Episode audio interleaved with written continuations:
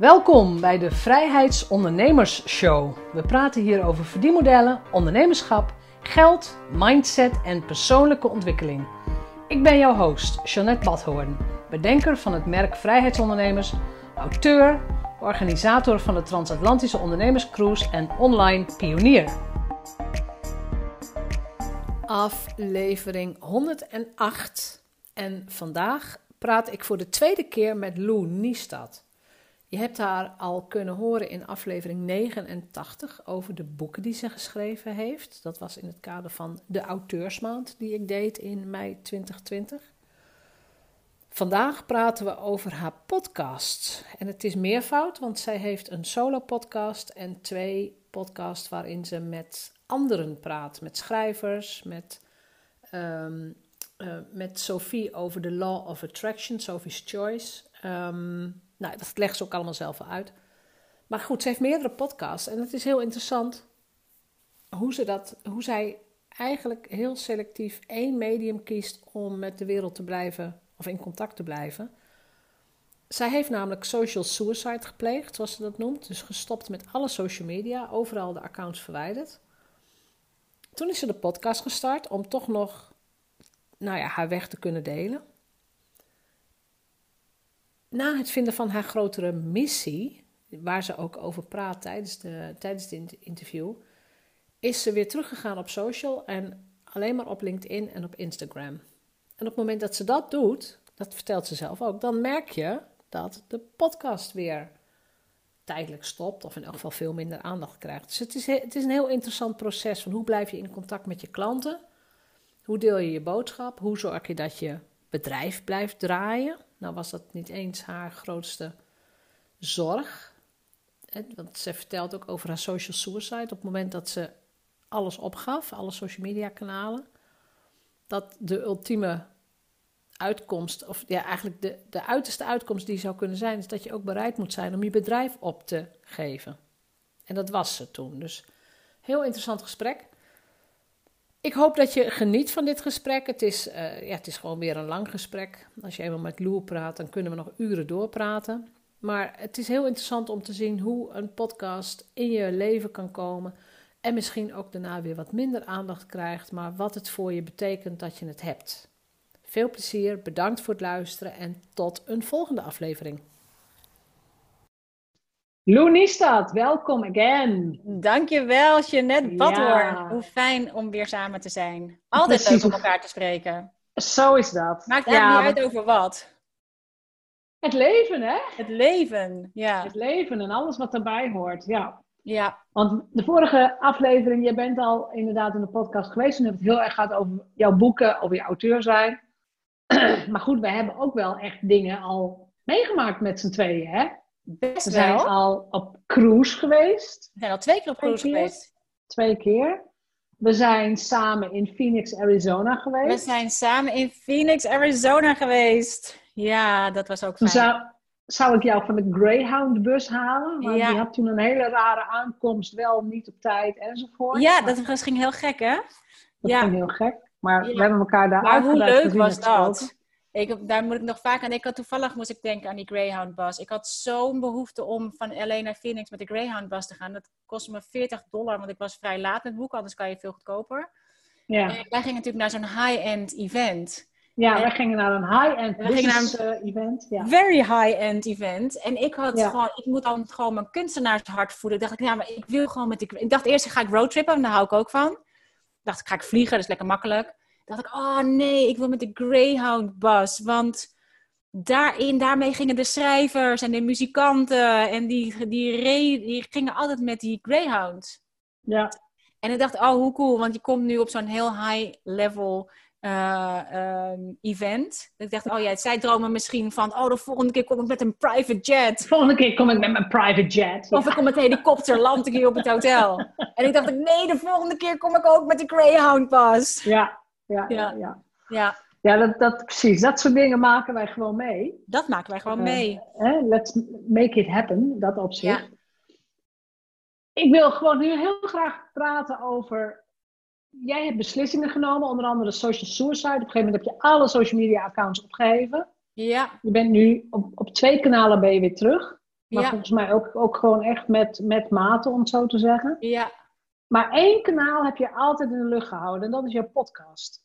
Ja, maar die is ontstaan door Social Suicide. Grappig genoeg. Had je nog niet eerder al? Nee, ik had eerder wel um, The Lab of Attraction. Met, uh, samen met uh, Sophie Ditmar van Sophie's Choice. Deden wij een, uh, met haar hadden we, deden we experimenten uit het boek E-Squared van Pam Grout. En daar, wij deelden onze ervaringen daarmee. Daarmee kan je experimenten doen waarin bewijsmateriaal kunt verzamelen dat het universum inderdaad bestaat. En um, daar hebben we toen een podcast voor uh, opgenomen. Maar Hoe lang is dat geleden, ik... dat je ermee begon? Dat is, denk ik, denk dat ik toen nog, toen heb ik, toen tijdens dat, uh, tijdens die podcast heb ik denk ik ja, heb ik bedacht dat ik echt van social media af wilde. Dus toen had ik inderdaad nog social media. En toen hebben wij die Lab of Attraction gedaan. Maar omdat wij uh, zo bezig waren ook met de wet van aantrekking en al die dingen waarin je leert dat je echt moet volgen wat er aan je trekt. Ja. Oh man, als ik, als ik het mag zeggen, dan zou ik gewoon het liefst van social media afgaan. En dan heb je natuurlijk heel lang. Ik denk, ja, maar dat kan niet, want je, moet, je hebt een online business. En hoe kan je nou offline gaan als je een online business hebt? Ik dacht, ja, ik wil echt vertrouwen op die wetten. Ik wil echt, ik wil niet dat het een experiment is. Ik wil gewoon dat ik daarop kan vertrouwen. Waardoor we hebben het in, precies in de vorige aflevering ook gehad over het gevoel van opluchting. Ja, ineens niet meer hoeft te doen. Ja. En dat was dus bij jou ook zo. Ja, dat was absoluut zo. En het was een, een want ik wilde blijven er blijven vertrouwen op dat, het, dat je inderdaad, dat mijn enige job joy is. En ik hoef alleen maar mijn joy te volgen en mijn vrijheid te volgen. En dan, komt dan, komt, dan komt wat daarbij hoort van, waar we het eigenlijk met het boeken ook over gehad hebben. Mijn joy destijds lag in het kiezen voor mijn kinderen. Dat heeft geresulteerd in ehm, het schrijven van boeken. Ik was niet gestopt om, te om te gaan schrijven. Ik was gestopt omdat ik nee. met hen wilde zijn. Dus als je je weet niet wat daarin ligt, maar je weet wel dat als je ergens een echt verlangen naar hebt, daarin ligt je goud. Daarin ligt je, je volgende stap. En dan heb je per definitie al waar je naar verlangt, namelijk de joy en de vrijheid. In mijn geval, want dat zijn mijn hoogste waarden. Dus als dat mijn hoogste waarden zijn, dan moet ik de keuzes in mijn leven ook maken die daarmee overeenkomen. En waar we het vorige keer ook al even over gehad hebben, mijn, mijn agenda, mijn journal als daar, mijn, gewoon mijn dagelijkse, mijn dagelijkse dagen, als die er niet helemaal bol staan van uh, joy en vrijheid, dan heb ik het niet geleefd. Daar staat het zwart op licht. Dat, dat, dat is gewoon mijn geweten, ligt hier. Oh, hartstikke je, je, hebt hem ook, je hebt hem mij ook wel eens laten zien, hè, jouw agenda. Ja. En je zei ook van, als er, als er in één week te weinig tekeningetjes staan en alleen maar even snel iets geschreven, dan ben ik niet goed bezig. Nee, dat, dan ben ik onderweg naar iets waar ik nu helemaal niet heen wil. Want ja, dan ben ik hartstikke veel mensen aan het inspireren. Super cool. En dank je, halleluja. Ik vind het fantastisch. Maar als ik het niet zelf leef, dan zijn het gewoon woorden. Dan, en dan, kan, dan is het per definitie, dan kan ik inspirerend zijn voor een ander. En dan gaat een ander dat doen. Maar die gaat tegen hetzelfde aanlopen. Dus als ik dat stuk niet, niet neem zelf, als ik dat stuk niet zelf doe, dan loopt een ander er tegenaan en denkt, ja, maar dan doe ik het niet goed, want uh, kijk, Lou kan het wel. Nee, kijk maar in mijn agenda. Ik leef het op die manier ook ja, niet. Precies. Ik, moet ook... Lou, loopt er ook tegenaan. Ja. ja, dus ik dacht, ja, die, dat universum, dat is er. Die wetten, die werken. Ik wil er meer dus op eigenlijk is die, die, eerste gezamenlijke podcast die je bent gestart... Ja, want Sophie had wel een podcast. Sophie had haar podcast. Die heeft, ja, klopt. Ja. ja. Dus voor haar was dat een medium wat zij gebruikte. En we dachten, oh, wij wilden dat gesprek opnemen over. Wij deden allebei los van elkaar de experimenten. En we hadden dan één keer in de week schamelijk een gesprek over onze experimenten. En de uitkomsten enzovoort. Ja. is een podcast geworden. Omdat we dachten, hoe kunnen we dit dan weer delen met. Want er waren allemaal mensen die met ons meededen in de Lab of Attraction. Uh, bij de experimenten, die ook de experimenten gingen doen. Dus ik had allemaal wonderzoek. Um, um, dingen gemaakt waar je je experimenten in kon doen. Dus we hadden natuurlijk een heel project van gemaakt. Want ja, ja bij mij gaat creativiteit aan. Nee. Had allerlei wonderzoek, experiment dingen gemaakt. Waar je dan mee... Dus we hadden allemaal mensen die meededen met dat experiment. En ik dacht, ja, hoe kunnen we ze dan zeggen hoe dat eh, dat dit onze ervaringen zijn. En dat werd een podcast. En dat werd de podcast. Dat werd en tijdens die podcast werd jou duidelijk, ik ga stoppen met social media. Ja, ik ga nu echt stoppen. Ik ga het nu echt Helemaal, alles. Ja. En het enige wat je dus in de lucht bent gaan houden is jouw persoonlijke podcast. Nee, die is daardoor ontstaan. Want die had ik nog helemaal niet. Nee, die, precies. Die ben je toen gaan maken. Die ben ik pas nadat ik social suicide had gepleegd ben ik die gaan maken. Nou, ik was begonnen met van Facebook Want ik moest natuurlijk wel, allemaal groepen had ik op Facebook. Dus ik moest zorgen dat ik van Facebook naar, naar een ja. online, weliswaar online platform. Want we doen natuurlijk wel online uh, lessen. Dat ik naar een ander soort van klaslokaal moest. Ergens rustig uh, op de World Wild Web. Ja. Uh, dus ik, mijn eerste stappen, nadat ik had besloten om van social media af te gaan, moest ik natuurlijk wel even afronden. Want ik moest eerst van Facebook af om um, die groepen ergens anders onder te brengen, zodat we wel gewoon onder in contact Contact, ja, precies. En toen kon ik eerst van Facebook af. En wat er toen gebeurde, dat is waar, hoe de podcast is ontstaan. Want ik deed heel vaak in mijn groepen even een live and drive. Als ik in de auto zat, dan krijg ik de meeste ingevingen. Dus dan ja. dacht ik elke, oh, daar moeten we het eigenlijk even over hebben. En wat ik heel vaak deed in mijn groepen, even een, de Facebook live aanzetten. En dan, daar konden we het even over hebben. Het werd ook gelijk, uh, er werd gelijk een recording van gemaakt. Dus iemand die er niet live bij kon zijn, want het kwam op. Die kon het gewoon terugkijken in de groep. Ja. ja. dus ik had het dan gewoon. En nu had ik die mogelijkheid niet meer. Want het platform waar ik mijn lives doe, heeft die mogelijkheid niet. Ja, die, ik kan dat daar wel live gaan, maar dan moet ik vooropgestelde tijden hebben. Want daar is verder niemand. Er is alleen maar iemand als er klas is. Klopt. Dat, daar dus zijn ze niet oh. automatisch aanwezig. Nee, en bij Facebook daar was iedereen automatisch. Iedereen, dus. iedereen hangt op Facebook. En, je krijgt en als je iets doet, krijgen ze... Precies, ja. Dus, en anders uh, gaat er eenmaal tegen de ander zeggen... Oh, maar we zitten hier. Dus die mogelijkheid viel weg. En toen... Maar ik had wel, terwijl ik in de auto zat... dat ik dacht... Oh, maar eigenlijk wil ik... Uh, zou ik nu eigenlijk even wat willen zeggen? Toen dacht ik... Oh, maar ik kan wel even gewoon inspreken. En dan stuur ik ze gewoon een audio... Want dan hebben we wel het erover gehad. Dus ik spreek gewoon even in wat ik normaal gesproken zou doen bij een live and drive. Dus maakte ik een audio voor mijn community.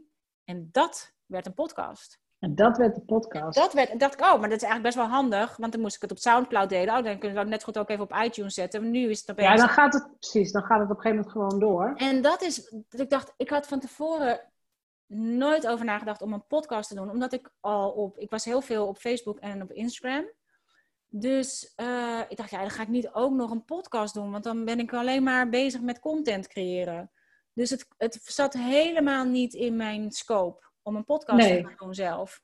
Maar precies, nu zijn die, die kanalen vielen weg. Ja, en dit is waarom je niet vooraf hoeft te weten hoe iets zal gaan. Want je merkt vanzelf al wat de volgende stap is. Dus op het moment dat ik social suicide pleegde, of in ieder geval alvast stopte met Facebook, om dat ergens anders onder te brengen. Toen liep ik daar dus tegenaan. En dat was de uitnodiging om een podcast te beginnen. En die kwam eigenlijk alleen maar binnen door dat ik dacht, oh, maar dan kan ik er wel even een audio van maken. Want ik, ik heb gewoon op mijn telefoon een, um, weet je, zo'n dik, dictafoon dictafoon, ja, dat, is allemaal niet zo moeilijk. Dus dat, was, dat is gewoon letterlijk ontstaan. Maar ja, het is helemaal geen, geen funnel, geen keten. Niks. Start with the end in mind. Nope. Nope. Just start with the next step. Wat is de volgende stap? Hè? Expressie. Ja. ja, en dat komt vanzelf. Het is, een, het is altijd een antwoord op iets anders. In dit geval dacht ik, oh, maar hoe kan ik dan nu eventjes dit delen met mijn community? Dat kan nou, dan spreek ik het wel gewoon even in. Zoals we ook voiceberichtjes naar elkaar sturen met het gezin. Weet je, dat je even wat inspreekt en dat stuur je. Klopt. Dus uh, het is gewoon letterlijk ontstaan. En dit is waarom ik zo van dat volgen van wat er aan je trekt hou omdat het je de, volgende, de verrassingselementen die er automatisch mee gepaard gaan, omdat de volgende stap bijna altijd iets is wat je niet aan zag komen. Ja, ja ik, had, ik had er zo van. Precies, ik had in die periode wel het gevoel van, oh, Lou is niet meer op social. Um, en wij kenden elkaar toen al. Uh, ik heb echt uren ook in de auto gezeten. Gewoon, ik zei, nou, zet ik even Lou aan, weet je, dan was je weer bij me. Dat idee. Ja. Fijn, ik denk dat heel veel... Ja, is heel fijn. maar dat was ook serieus heel fijn. En het was ook echt... Ik vond het superleuk om, uh, om op die manier te doen. En ja. maar ik had er vooraf... Maar dat was ook toen ik overging op video's maken voor mijn online programma's. Dat had ik ook niet aanzien komen. Maar dat, was, dat is ontstaan omdat ik tijdens een programma wat ik net gelanceerd had... ineens heel onverwacht zes weken lang elke dag bestraald moest worden. Mijn medium tot dat moment was tekenen en schrijven. Maar ja, ik wist niet in hoeverre ik daar de energie voor zou hebben. En toen zat ik in het ziekenhuis en toen dacht ik, oh, maar ik kan natuurlijk wel gewoon eventjes in mijn, op mijn telefoon, zeg maar even een filmpje maken en uitleggen wat we gaan doen. In plaats van dat ik het helemaal ga zitten uitschrijven en uittekenen. Ja. Vijf minuten klaar. En ineens zag ik hoe fijn het was om dat als medium te gebruiken. Daar was ik, daarom heeft elk nadeel echt een voordeel. En als je op zoek gaat naar die verborgen voordelen, dan is het een fijne situatie. Mm, nee. Maar had ik hem over mogen doen, dan had ik hem nog steeds gedaan. Want het heeft me zoveel gebracht. Niet alleen voor mij, maar ook voor mijn community. Want die zagen ineens, die dachten bij al die tekeningen en dat tekst, denken, oh, het is zo goed en bla bla bla. En toen zagen ze mij ineens zo uh, met, met zonder make-up op mijn video. Ik doe alleen maar one-takers. Net als mijn, mijn, mijn uh, podcast zijn ook alleen maar one-takers. Mijn video's zijn one-takers. En, en dat opeens dachten ze, oh, maar dat kan ik ook. Ja. Ineens was het een, de drempel werd verlaagd. Het is haalbaar. Het is ineens heel haalbaar. Maar dat kwam wel doordat er een andere situatie zich voordeed. En daardoor kwam ik ineens hierin. En dat gebeurde dus nu weer, doordat ik ineens niet meer die Facebook Live tot mijn beschikking had, kreeg ik, ehm, kon ik het op die manier doen. En dat werd de podcast.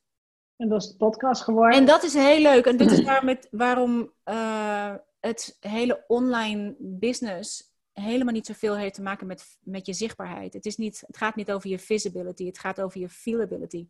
Want op het moment dat mijn opluchting was zo groot, ja. dat ik dacht, oh man, de vrijheid van het niet de hele tijd alles maar vastleggen, van niet de hele tijd maar altijd overal zijn, van niet het, het onder de radar zijn. Ik hou ervan. Dus het, en ik, maar ik heb er serieus lang over gedaan voordat ik daar gehoor aan heb gegeven. Ik wilde geloof ik in 2014 al uh, van social media. Maar ja, uh, toen, was ik nog, toen was ik net mijn derde boek aan het schrijven. En hoe moet het dan? Enzovoort. Dus ik heb er tot 2018 over gedaan. Om ook werkelijk die stap te zetten. Maar dan weet je ook dat dingen werkelijk in its own right time gaan. Omdat in 2014 was iedereen nog helemaal blij op social media. Bijna iedereen. Veel mensen waren blij op social media. Ja, klopt. In 2018 daarentegen waren er zoveel mensen die dachten: oh man, als ik niet een business zou hebben, dan zou ik niet meer hier zijn. Of dan zoveel mensen die overweldigd waren door heel social media. Dus op het, maar, en iedereen had het erover. Alle podcasts, alle goeroes. Iedereen had het erover dat we te veel online zijn. Klopt. Maar ondertussen verkondigen we dat allemaal online. En dan dacht ik, hè, maar ergens klopt er hier iets niet. Want alle voorbeelden zijn allemaal 24 uur per dag, 7 dagen in de week online om te verkondigen dat we offline moeten. Dat ik denk, hé, maar je, je, moet het wel doen. Maar dus... het mooie is, er zijn ondernemers die ook heel succesvol zijn, die je niet online ziet. Nee. Als je die dan ineens in het echte leven zomaar in het wild ergens tegenkomt, dan denk je, oh, kan dat ook? Dat kan ook. Oh. En dat had ik nu. Oh. Maar omdat ik was op zoek naar voorbeelden van mensen die inderdaad een succesvolle business hadden. Ja. Maar niet online waren, die ook social suicide hadden gepleegd. Die kon ik niet vinden. Dus toen dacht ik, ja, nou, het, is, het moet ook gaan om de bereidheid, denk ik. Want op het moment dat ik uiteindelijk toch de stekker eruit trok, ja. Ik denk, wist ik niet wat er ging gebeuren. Ik had geen idee wat er zou gebeuren met mijn business. Maar dat was mijn experiment. Ik dacht, oké, ik ik, ik geef mezelf een jaar lang de tijd om te kijken wat er gebeurt met je business en met je leven op het moment dat je die joy en die freedom gaat volgen. Als je ja, precies, want je hebt dat proces ook helemaal gedeeld. Ja, dat wat gebeurt er als je echt vertrouwt dat die wetten waar zijn? En ehm, dus dat ik er niet over ga lezen, maar dat ik het ga leven. Dat ik er niet over. Ik gaf er zelfs al les in, maar ik deed het niet, want ik, deed, ik begreep het alleen maar als concept. Ondertussen durfde ik niet te stoppen ermee en echt te vertrouwen op wat er, wat er komt. Als je, het, als je echt volgt wat er aan je trekt. Dus het was een hele. Ehm, ik heb daar lang over gedaan om die keuze te maken. Maar toen ik hem eenmaal deed, was de, de, het gevoel zo groot dat het. Ehm, dat wordt de aantrekking. En nu, ik dacht, oké, dan moet je wel bereid zijn om je business te laten klappen. Dan moet je wel bereid zijn. De ultieme consequentie. Ja, want ik weet niet wat de consequentie gaat zijn. Kijk, ik wil vertrouwen dat die wetten werken. Maar het kan heel goed zijn dat ja, dat mijn business ten onder gaat. Dat kan heel goed zijn. Dan moet ik wel. Maar dacht ik, nou, ik ben bereid om dan maar geen business te hebben. Ik ben bereid om dan maar geen uitgevers meer te vinden voor mijn boeken, omdat ik on, niet meer online ben. Terwijl de eerste uitgever zei al meteen: Oh, maar dan wordt dit je unique selling point. Dus die hadden er helemaal. Want die vroegen mij om een boek. En ik zei: Nou, ik heb wel net. Uh, de stekker uit mijn social getrokken. Dus ik weet niet hoe belangrijk dat voor jullie is. Dus dan wordt dat jouw unique selling point. Want wie durft het echt? Maar het feit ik kon geen voorbeelden vinden van mensen die echt succesvol waren, maar gestopt waren met social media. Nee, ik denk dat ze gewoon nooit begonnen zijn. De mensen die, die ik zijn, Precies, die zijn niet eerder begonnen. begonnen. Maar omdat die zijn het nooit op social begonnen. En die hebben, die hebben een team opgebouwd of een bedrijf opgebouwd. Ja. En die, ja, die hebben het gewoon niet nodig. En blijkbaar was ik niet alleen mijn verlangen, want ineens werd ik door iedereen gevonden die dat verlangen had. Ja, zeker. Ik werd, dat was echt, en dit is waarom je er echt op kunt vertrouwen, dat, je, dat het en op in its own right time gaat. En dat, het, dat er echt iets anders voor je ligt. Als dat verlangen zo groot is, dan moet je het echt volgen. En ineens werd ik gevonden door allerlei mensen. Man, ik werd ineens gevraagd voor zelf voor podcasts. Ik werd gevraagd voor events om te spreken. Ik werd gevraagd door de bladen over, omdat ze erover wilden hebben. Ik dacht, wauw. Mijn hele zichtbaarheid was terug naar nul. Maar mijn zichtbaarheid werd groter dan het was toen ik nog overal zichtbaar was. Het, was, ja. het is de ultieme paradox van business. Het is de ultieme paradox, ja. En, en inderdaad, doen waar je bang voor bent en dan merken van, hé, hey, het werkt dus toch. Of het werkt, ja. het, het, werkt, het komt, ja. ik weet het nog heel goed dat je dat zei. En ik heb inderdaad ook echt zo van, hé, en, dan vol, en al je volgers en moet je kijken en je, en je oh man, er zijn zoveel die zeiden, wat, gaat, wat ga je doen man? Je hebt nou ja, nee, ik snap, ik snap het heel goed dat je ja. dat doet. Ik snap, snap dat heel goed, ja. Ja, maar heel veel die hadden zoiets van, oh, en toen ik het helemaal gedaan had, die zeiden, oh, nou als ik geen business zou hebben, dan zou ik het ook doen. dacht ik, ja, ik had ook een business. En, ja. um, en ik dacht, ja, ik, ik, ook al is de engagement enorm hoog, ook al was het enthousiasme op, overal op social enorm hoog dat zijn nou precies de dingen die je op je plek houden. Als je eigenlijk iets anders wil doen, maar de omstandigheden. En in mijn geval waren het dan heel veel volgers en, en hoge uh, interactie. En, uh, en geld in je business. Maar zo kan je ook in een, in een job blijven waar je uh, niet oh, ja. omdat het gewoon goed betaalt. Of omdat het status heeft. Of omdat Precies. Het, je daar carrière kan maken. Ik kan me herinneren toen we bij dat event van Ellie Brown zaten dat ja. zij het ook had over de false metrics. Dus de, de valse goden die je achterna loopt. Het aantal likes of uh, het aantal volgers of het aantal fans wat je hebt of je, je engagement percentage. Als je het daarvoor doet, dan heb je een leeg bestaan. Ja, en dan wordt het ook nooit, en dan zal het ook nooit genoeg zijn. Want dan heb je niet alleen te maken met, uh, ja, we, we, zijn natuurlijk al op social, ben je al geneigd om je te vergelijken met anderen die verder zijn dan jij of die die het beter lijken te doen dan jij. Je vergelijkt je altijd naar de bovenkant, eigenlijk nooit naar de onderkant. En ja, of door je beter te voelen dat je meer volgers hebt dan een ander, of weet ik veel. Dus het, zit, het is natuurlijk altijd al een beetje uh, glad ijs als je daar bent. Ja. Maar je, hebt het, je, hebt ook, je bent ook in competitie met jezelf. Want alleen maar, uiteindelijk alleen maar. Ja. Sowieso, maar ook als, je, als de post van de ene dag minder likes oplevert dan de, dan de post van de dag daarvoor dan stel je jezelf al teleur. denk ik, my goodness, hoe moet je dan dat doen? Want dan is dat niet meer genoeg. Klopt. Dan is het opeens niet. Maar dan is het is wel interessant om daar eens over na te denken. Hoeft niet nu, maar hoe zou social media zijn als er geen enkele manier zou zijn om een like of wat dan ook te geven? Ja. Dus als je alleen maar iets deelt. Nee, Nee, dan krijg je die instant uh, gratification niet. Nee, en daar oh, spelen ze natuurlijk ook in. Daar, en dat doen ze ook. Hè? Ze houden gewoon al je hartjes vast. En dan in één keer mhm. geven ze je er heel veel. Die denken, oh mijn god, man, ik moet... Want zo ga je weer terug om het te checken. Ze geven je niet hartje voor hartje. Nee, ze batchen het. En dan krijg je ineens heel veel hartjes. En dan gaat het oh. Ja, joh. Oh, ja. ja. het is het is, Dat is waar. Facebook vooral is heel erg verslavingsgevoelig gebouwd. En er zitten allemaal principes achter. Ja. Gaan we het allemaal dus daar ben ik ook niet meer naartoe terug. Daar heb ik ook niet. Nee. Heb ik mijn... nee. En dat Insta ook geldt. Want het feit dat... Uh, en Instagram hoort natuurlijk ook bij Facebook. Maar toen Facebook, toen het hele Cambridge Analytica-affaire was... Toen moest je ineens door al die privacyverklaringen... moest je natuurlijk allerlei dingen aanvinken waar je mee akkoord ging. En ik weet nog dat ik, dat ik al die dingen las en wat ze dan wel niet allemaal van me mogen gebruiken en waar ze allemaal toegang toe hebben en wat ze allemaal mogen. En ik voelde zo heel duidelijk, I don't agree. Weet je, ik moest elke keer over op agree, agree, agree. Dacht ik, nee, I don't agree. En dan dacht ik, ja, maar ik moet het. Dan dacht ik, jezus man, je lijkt wel een junk. Ik moet helemaal niks. En op dat moment, en ik was zo eigenlijk heel pissig op Facebook, omdat ik dacht dat ze niet integer waren, dacht ik, wow Lou, dit gaat gewoon helemaal over je eigen integriteit. Jij bent gewoon bereid om overal op akkoord te klikken, omdat jij ze nodig hebt.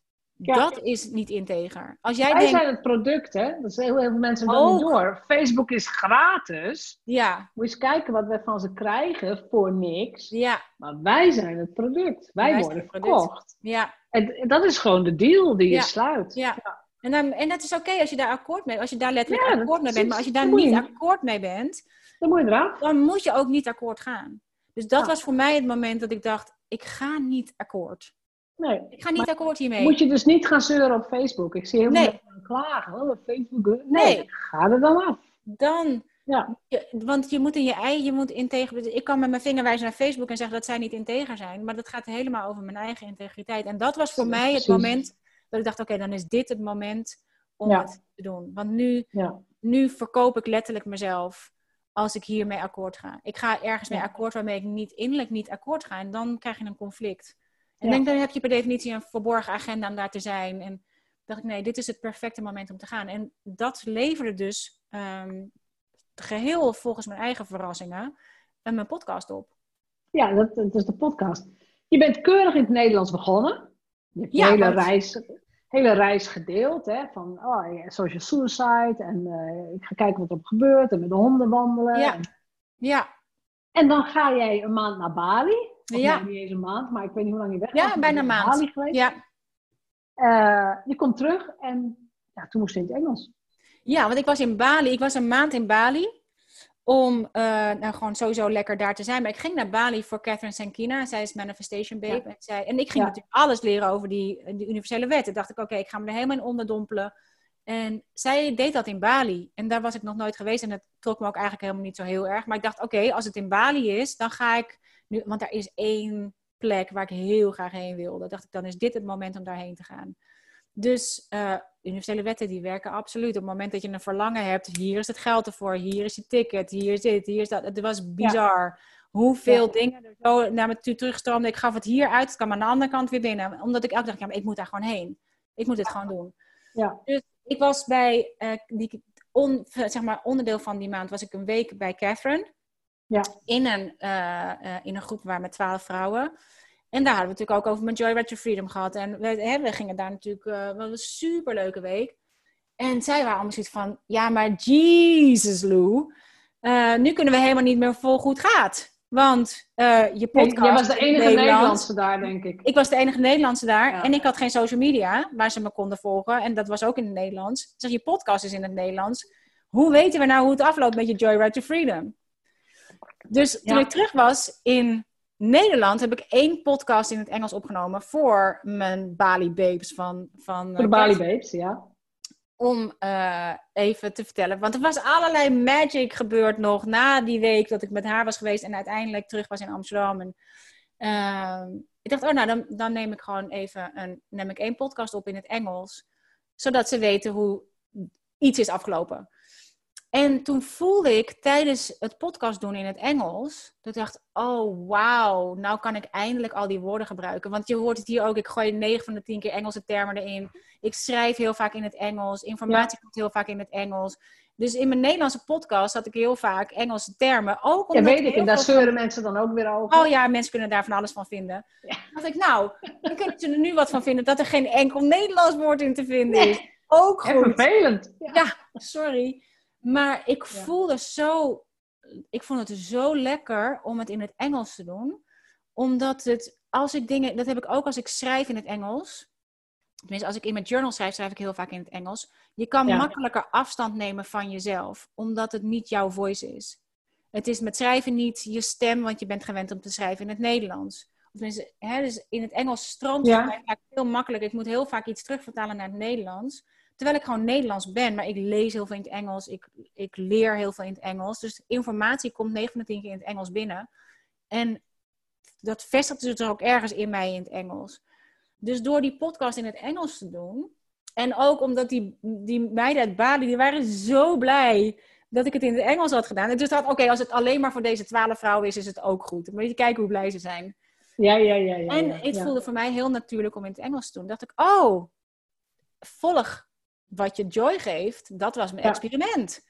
Volg wat je joy geeft. En uh, volg dat. Zonder dat je nadenkt over wat gaan andere mensen daarvan vinden. En uh, kan ik dat wel maken? En mijn hele community is in het Nederlands. En dan ga ik dat dan voor acht vrouwen of twaalf vrouwen doen. Of, hè? Ja, ja, precies. Voor wie doe je het dan? Maar uiteindelijk ja. zeg jij, jij zegt dus, nee, ik doe het gewoon voor mezelf. Ja, het, ik volg wat mij joy oplevert en wat me vrijheid oplevert. Ja. En iets doen wat je heel veel joy geeft, dat levert je bij definitie vrijheid op. Als je je niet aantrekt van wat een ander daarvan van gaat vinden. Hoe vaak krijg, je, krijg jij reacties op je podcast? Nou, ik moet je eerlijk zeggen, sinds ik terug ben op social media, is dus ineens mijn podcast weer naar de achtergrond. Want ik ben nu terug op Instagram. En um, naar aanleiding van, uh, nou indirect naar aanleiding van de Freedom Writer of de, de Freedom Entrepreneurs Cruise. En we daar hadden over uh, de vraag van Sigroen, what's your bigger mission? What's your mission, ja. Uitkwam. Ja, en toen zat je moet allemaal een mission hebben. Wat, wat zoveel, en daar met mission ben ik, ben natuurlijk altijd een beetje aan het stoeien in je business. Wat is eigenlijk mijn mission? Wat is mijn vision? Weet je, dat zijn nog ja. dingen. Dus mm, vond ik altijd heel lastig om antwoord op te geven. Maar Sigroen vond, vroeg, wat is je bigger mission? He, want ze had het ook over als je tot een, nou zeg even, tot een miljoen. Uh, nou ja, weet je, dan kan je gaan op uh, fijn voor je, voor je uh, leefstijl.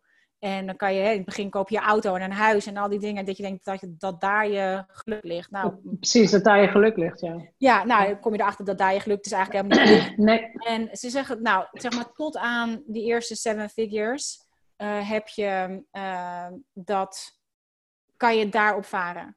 Alles daarboven heb je een bigger mission nodig. Want ja ja, ik weet niet hoe groot jij je lifestyle wil maken, maar uh, daarboven, ja, je kan nog groter. Nou ja, ik, ik, hoef, ik, ik zit te denken aan een jacht en een, ja. Uh, nee, Nou ja, en dan kom je, oké, jij moet misschien boven de 5 miljoen. En dan kan nee, je echt gewoon niet, hè? Nee, Wat jij zei met je les is luxe, daar ben ik al tijden mee bezig. Ja. ontspullen, lekker op de camping met mijn caravannetje. Heerlijk. Heerlijk. Dus, en dit is ook, omdat ik dat heel heerlijk vind, is stagneert de groei soms. Omdat je denkt, ja, ik heb toch alles al, ik ben er toch al. Ik, hoeveel heb ik nou nodig? Maar door die bigger, zeggen ze, je hebt een bigger mission nodig. Waardoor, ze van mensen komen niet naar je events om jou, jouw uh, kast te spekken. Die komen naar je events omdat je wat te vertellen hebt. Mensen komen, die volgen je niet omdat, omdat jij rijk wil worden. Mensen volgen je omdat je iets te vertellen hebt. Wat is your bigger mission? en op dat moment... Het draait niet om jou. Nee, in één keer kwam bij mij dat ik dacht, oh, maar als ik ga nadenken over mijn bigger mission, dan heb ik eigenlijk een mission om ehm, iets aan het onderwijs te doen of om uh, iets aan de opvoeding te doen. Dat zit veel meer op hoe gaan we dit doorgeven aan de volgende generatie. Ja. Dat was meest, viel bij mij zo'n kwartje. Dat ik dacht, oh, maar wat ik nu aan het schrijven ben, of wat ik nu aan het doen ben, dat heeft eigenlijk niet met mijn bigger mission te maken.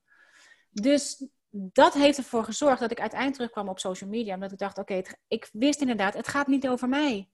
Het gaat niet langer over mij. Precies. Ik wil Toen heb je social media eigenlijk heel strategisch ingezet om die grote missie naar een veel grotere groep mensen te krijgen. Ja, en toen ben ik begonnen met LinkedIn, omdat ik dacht, oké, als ik als mijn bigger mission onderwijs is, dan moet ik wel al wat speelt er überhaupt in onderwijsland? Weet je, ik ben misschien niet zichtbaar, maar ik ben ook niet, anderen zijn ook niet zichtbaar voor mij.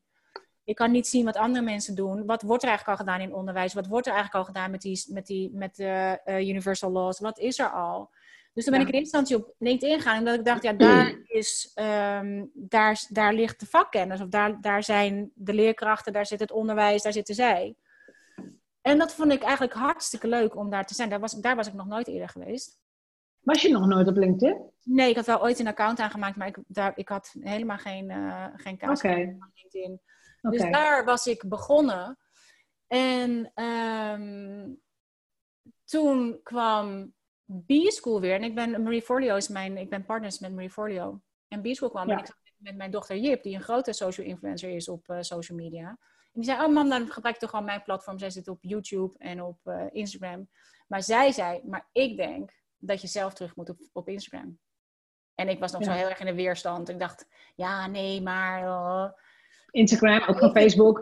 Ja, en dit is ook waarom je jezelf de ruimte moet geven om opnieuw te kiezen. Want ik kan wel zeggen, ja, maar je hebt toch social suicide, dan kan je nou niet opeens terugkomen.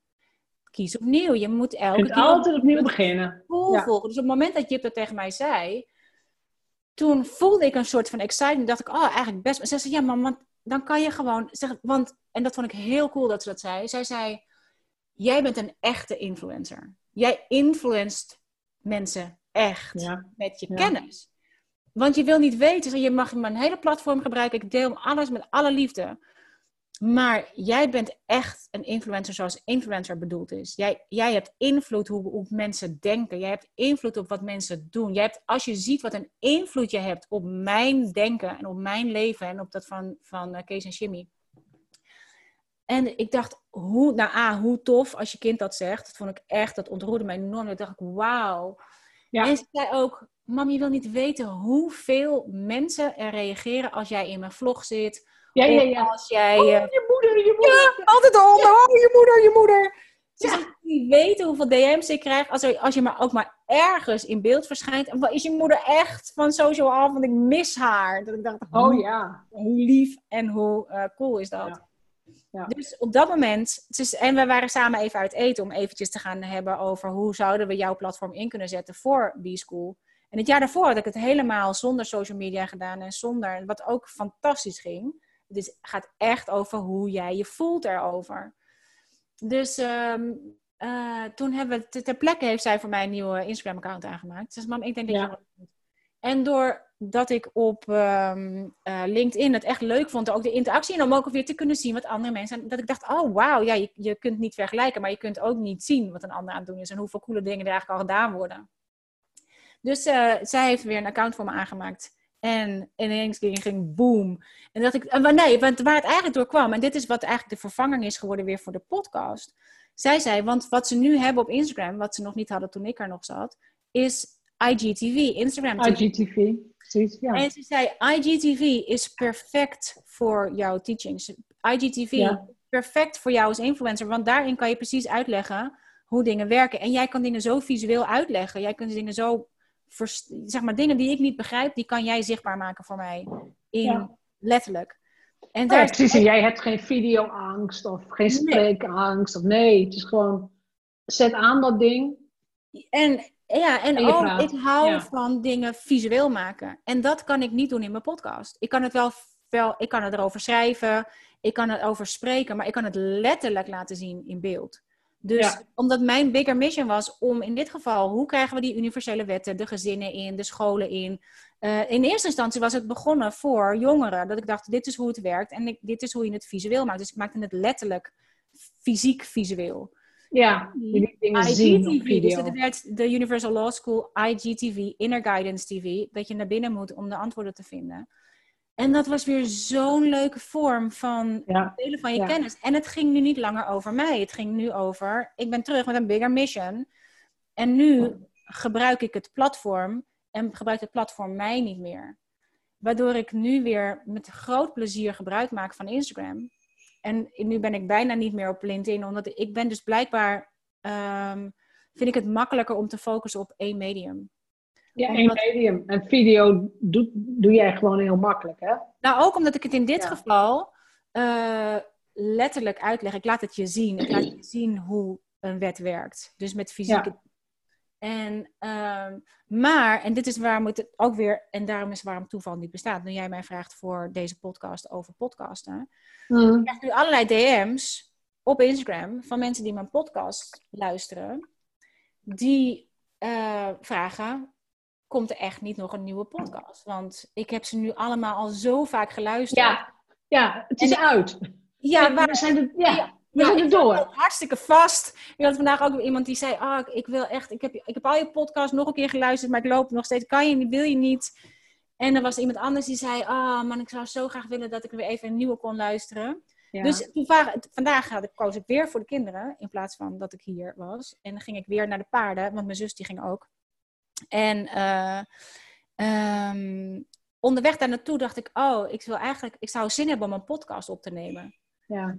En dat heb ik nog niet gedaan, maar ik ga er nu zeker één opnemen. Omdat, En ik weet niet wanneer wij dit gaan uh, doen. Dus er zal er nou ja, dan kan je checken of er nog een uh, nummer, whatever, is gekomen. Ik wil het zeggen, jij zit nu op, uh, op nummer 58 en de laatste was van februari 2020. Ja, en toen ben ik, nou, februari 2020, toen ben ik teruggegaan online. Ja. En sindsdien. En dus vind ik, denk ik, ja, maar ik heb het al een keer verteld, staat nu daar. Of, maar dat is allemaal in Nederlands. In, de rest ook allemaal in Nederlands. Maar ik dacht, dus de laatste week begint die hele podcast weer te borrelen. Ja. Omdat ik het een heel leuk medium vind. ja, ik ook. Alleen, maar omdat ik zelf mijn rust wil bewaken. En ik niet overal tegelijkertijd wil zijn. En ik nu had gekozen voor die Inner Guidance TV. En je niet te hergebruiken als podcastaflevering? Nee, want ik laat het je letterlijk zien. Dus dan mis je uh, het beeld. Ik denk als ik het alleen maar, als ik het niet, nee, want ik ben echt, ik laat je zien, het is echt een les in een law. Dus ik laat je fysiek zien met, met attributen hoe het werkt. Dus dan hoor je maar zeggen dit of dit of dit, maar dat kan je niet. Nee, nee dan moet je het eigenlijk nou, al uh, auditief ondertitelen. Als ik hem doorga zoals ik hem nu ingezet heb, zou die nog steeds in het Engels zijn. Terwijl ik heb wel over nagedacht of ik een aparte Universal Law School podcast zou maken. Maar ik ben in eerste instantie gewoon blij gebleven in de, in de Pocket Podcast. Ja. Uh, en die zou ook nog steeds in het Engels zijn, denk ik. Of tenminste, geen idee. Dat, dat, ik zie wel wat daar de volgende stappen van zijn. Maar ja. Um, het is een. Um, en ook omdat het dus via heel veel kanten terugkomt. En met name voor degene die het allemaal wat rustiger aan willen doen. Die... Ja, weet je, ik, ik, ik luister heel sowieso al jarenlang heel graag naar podcasts. En zeker als ik in de trein zit of in de auto, ja, nu dus even wat minder, de laatste tijd. Maar ik, het, het klopt wel wat je zegt. Op een gegeven moment, als je uh, verslingend bent geraakt aan een podcast uh, geven, om het zo te zeggen. Ja, en de afleveringen zijn op. Ja, ja. nou. Ja, nou, ja. kom. Hoe nou. gaat het met je? Weet je zo? ja, ja, precies, ja. Ja. Want het grappige is, want jij bent dan wel helemaal van Insta. Ik zit wel op Insta, maar ik ben veel minder van Insta. Dus jouw IGTV-uitzendingen, ik heb ze nog niet gezien. Want daar spendeer ik heel weinig tijd. Ja. Terwijl die, die podcast heb ik, ik heb ik heb ze niet allemaal geluisterd, maar ik heb heel veel afleveringen gewoon geluisterd, zo tussendoor. Ja. Dus Want ik, ik denk ook dat niet, niet iedereen zit op elk medium, denk ik. Nee, en toch denk ik, maar dat, dat moet ik nog ontdekken, dat wat ik aan, aan uh, IGTV's maak voor Instagram, andere content is dan ik zou maken voor de podcast. Het is, het is een ander kunnen, ja. En het is een, het, het, ik tap het uit een ander vat. Net als dat mijn boeken, uh, dat, het, zeg maar, het onderwerp is altijd wel hetzelfde. Zeg maar, de onderwerp is in 9 van de 10 keer uh, gaat het over universele wetten, want dat is waar ik het meest excited over ben en waar je ze op in kan zetten en wat er gebeurt als je dat volgt. Ja. Maar ik heb het gevoel dat mijn podcast vooral uh, de, een soort van de, de, achterkant is van de dingen. Weet je, waar ik zelf ook weer terugkom als ik even uit de heksenketel wil. Even uit de... Het is mijn... Oh, dat zou kunnen, ja. Snap je? Het is ook... podcast zelf is een... Het beeldplatform. Het beschouwingsplatform. Het is een heel ander platform. En het is veel meer waar je eventjes... Uh, althans voor mezelf is het vooral een... En dat, dat is natuurlijk ook omdat het is voortgekomen destijds uit een live en drive. Kijk, als ik een live doe op Instagram... is het ook een heel andere live dan wanneer ik een, een, een IGTV zou doen. Dus het is veel meer, het is veel beschouwender. Ook met name voor mezelf. Wat, weet je, wat gebeurt er ook als je nu ja. Ja, die wetten die trekken gewoon. Dus de wet van aantrekking die trekt. Dus ook als ik heel druk ben, dan krijg ik meer druk. Want dat is waar die aan trekt. Dus ik moet mezelf daar letterlijk, break the law, van loskoppelen. En dan zorgen dat hij weer de andere kant op gaat. En dan merk ik dat als ik mijn eigen schouders laat zakken en denk, ah, even achterover hangen. Dan komen even met de hondjes, ja. En de inzichten, dat zijn de dingen die ik graag deel in mijn podcast. En nou moet ik zeggen, we hebben het vanaf februari tot aan, uh, wij nemen dit nu op in mei. Um, dus hebben, zijn we heel druk geweest met lancering van B-School. En dan doe ik daarnaast ook de B-School backstage. Dus dan heb ik veel lives met mijn backstagers. Door de, uh, om ze te helpen met, zeg maar, door B-School heen te gaan. En mijn visie te geven op business. En de, en de wetten weer mee te nemen in uh, hoe je business... Ja. En creativiteit mee te nemen in hoe je business doet. En toen zijn we door die coronacrisis met een vliegende start doorgestart met de Universal Laws Homeschool. Om, ja, precies. Omdat er ineens zaten we allemaal thuis. Ja, dat, die stond helemaal niet op mijn planning. Maar die ontstaat en dan denk je, ja, oké, die is dit. Ik heb gevraagd om, ehm, zeg maar, een, een, hoe kunnen we die kinderen, zowel met school als met de ouders, vanuit school en vanuit de ouders, leren hoe ze die universele wetten in kunnen zetten, zodat ze hun eigen toekomst creëren in plaats van die van de ouders of die van de scholen. En ik dacht, at your service, your wish is my command. Hier heb je al die kinderen thuis. De ouders worden de teachers. En ik dacht, dit is het moment. Come on, dan moet je ook uh, die actie... Dat momentum pak je dan ook. Dan moet je dat momentum... Ja, want ik heb daarom gevraagd. Dus uh, dan is het. En dan kan ik niet zeggen, nou, eh, ik kan niet. En ik moet nog een podcast opnemen. nou, dat had best even tussendoor gekund, hoor. Ja, en dat kan dus ook. En dat wordt natuurlijk ook heel veel gedaan. En dat wordt ook heel veel gedaan. Ga maar eens kijken naar wet van aantrekking. Iedereen die daar les in geeft. Weet je. Maar als je ze ziet, 9 van de 10 keer zijn ze de hele tijd overal. En nog even snel een podcast opnemen. En nog even snel dit en. En dan denk ik, en waar is dan de... Een heel groot gedeelte daarvan is minder doen letterlijk minder doen. Ja, zodat minder doen. je alignment bent, zoals ze dat noemen. Dat je je heel... Je voelt namelijk 9 van de 10 keer niet hoe je je voelt als je de hele tijd zo druk, druk, druk bent. En je nee, gewoon verplichtingen Precies, dat is een mooi oh, masker. een podcast opnemen. Denk maar, wat is het nut van die podcast? Ja, ik kan hem wel volstoppen met, met uh, stappen van uh, als je dit doet en dat doet, dan krijg je dat. Maar hij, heeft een, hij dient een ander doel. Als zou je maar gewoon weer even een uurtje praten. Ja, maar daar is het ook voor ons. Ja, ik kom een uurtje met je kletsen. Ik zal een, zeker een podcast opnemen, omdat, die, um, omdat de berichtjes die nu komen, nu het zich uh, op uh, IGTV afspeelt. Um, er zijn zoveel mensen die social suicide gepleegd hebben daardoor. Ja. En die dus nu niet meer op social media zijn. Dus, nu ik daar ben, kunnen zij me niet meer zien en niet meer horen, want zij hebben het ook gemaakt.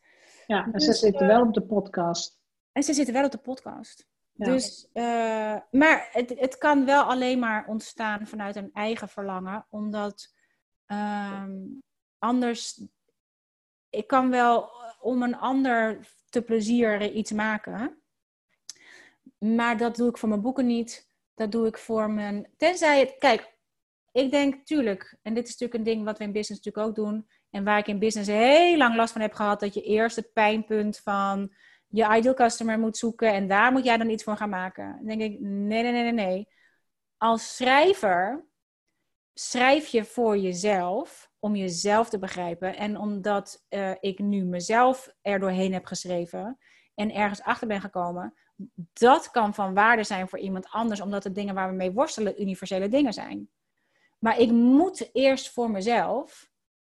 Anders, niemand A hoeft niemand gefixt. Het is vaak zo simpel als dat je even moet weten dat je je vingers nat moet maken om een plastic zakje open te krijgen.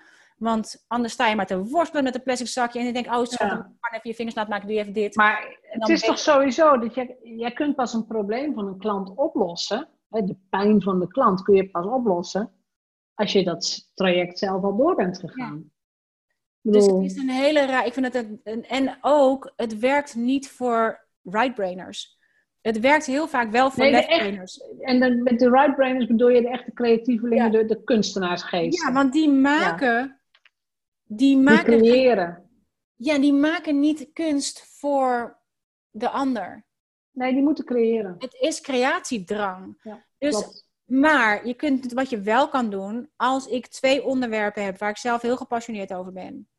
Maar voor dit ene onderwerp is meer belangstelling, omdat dat meer zou helpen bij een ander. Ja, dan pak ik dat onderwerp.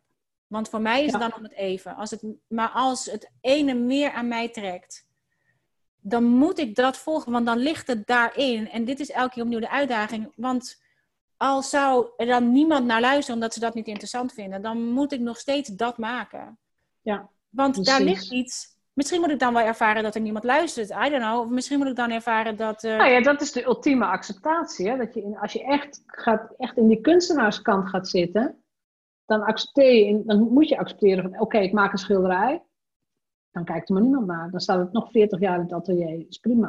Maar, nee, maar ik maak het omdat het eruit moet. Als je, het, als je dat pad volgt, dat dat eigenlijk nooit gebeurt. het gebeurt pas op het moment dat we het niet volgen, omdat we denken, ik moet dat andere maken, want ik moet commerciëler. Ik moet dat andere maken, want ik moet, eh, ik moet de pijn van mijn klanten uh, uh, verzachten. Ik moet dat andere maken. Het zit, het zit bijna altijd als je het niet doet. Als je het wel doet, dan zit, is je punt van aantrekking zo hoog. Pas als je gaat twijfelen vervolgens over wat je hebt gedaan, dan, je, dan steek je er zelf weer een stokje tussen. Maar als je het vol plezier doet en daarna slinger je het vol overgave de wereld in. Jongens, ik heb weer iets. Kijk maar of het wat voor je is. En jij bent onafhankelijk van het resultaat.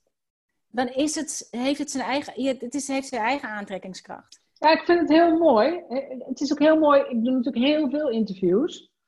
Uh, ik heb ook een interview gedaan met Esther de Chiron de Saint-Germain. Oh, I love Esther.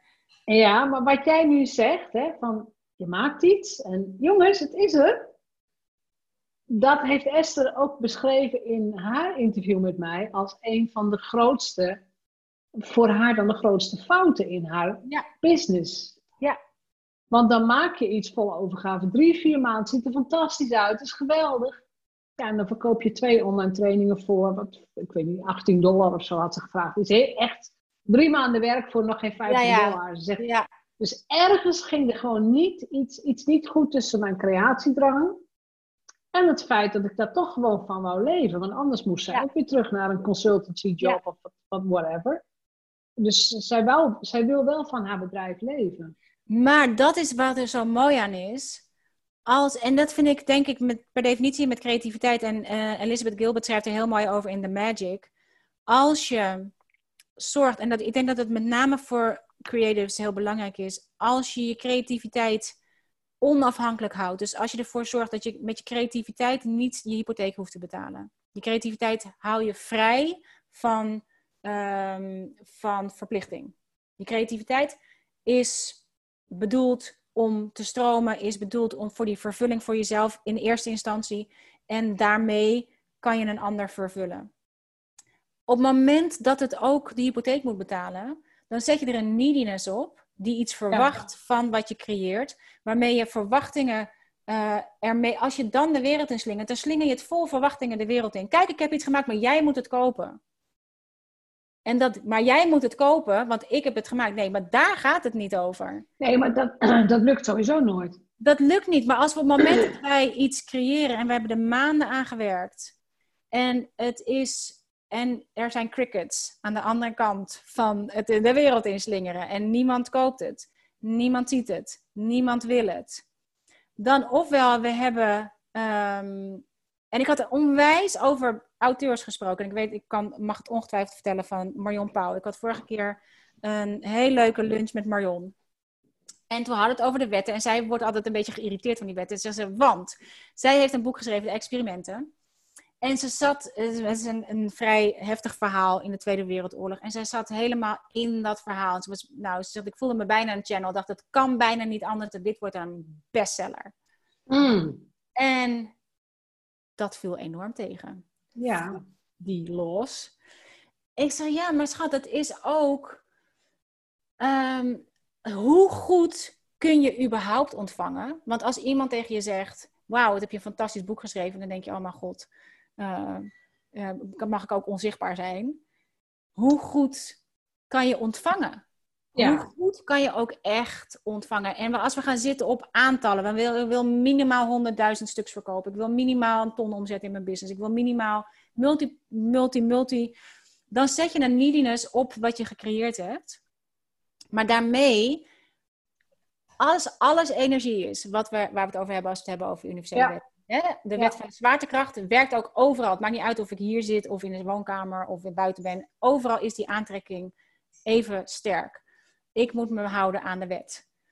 Op het moment dat ik, dus ik stuur als het ware energie mee met wat ik heb gecreëerd. Op het moment dat ik daar ook energie mee stuur in van een, het hoeft maar een zweempje angst te zijn. Het hoeft maar een soort van, oh mijn god, wie zit hier op te wachten? Oh mijn god, oh god, nou zometeen vindt niemand het leuk.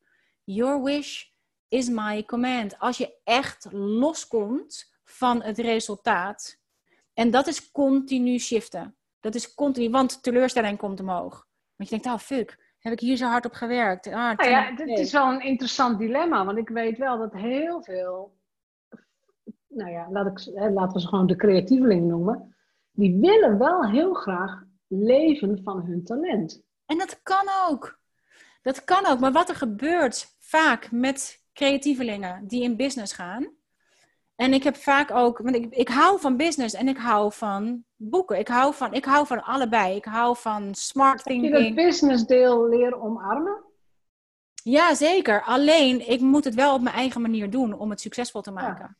En wat je gaat doen als je in, in eerste instantie in business gaat, en dit is waarom het voor creatievelingen vaak heel lastig is. Op het moment dat je in business gaat en je gaat alle business trainingen volgen, dan is het heel vaak vanuit een left-brainer uitgelegd.